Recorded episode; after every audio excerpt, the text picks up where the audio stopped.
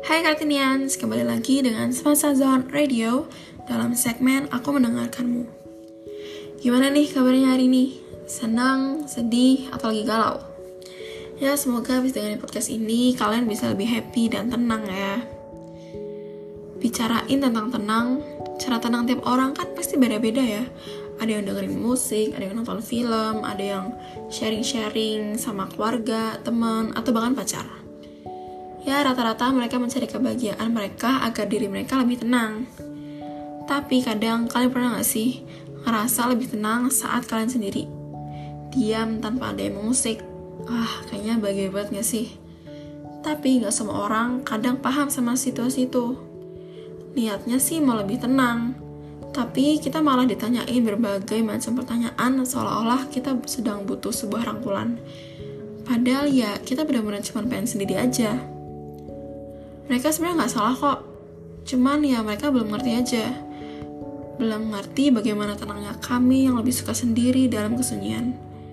Di mana sendiri adalah keadaan paling menenangkan di mana aku merasa mendapat pelukan lembut dari diriku yang sangat hangat. Meski terkadang bukan hanya untuk mencari ketenangan tapi ketika aku takut akan merusak sesuatu. Mungkin kelihatan lebay tapi jujur bagiku dan mungkin bagi kamu masuk dalam suatu lingkup baru yang menyenangkan tidak semudah itu. Aku juga nggak tahu mengapa hanya saja perasaan tidak akan terima begitu sulit sekali hilang. Tapi aku juga tahu perasaan seperti ini nggak boleh selalu dilakukan. Cuman kalau sesekali boleh kali ya.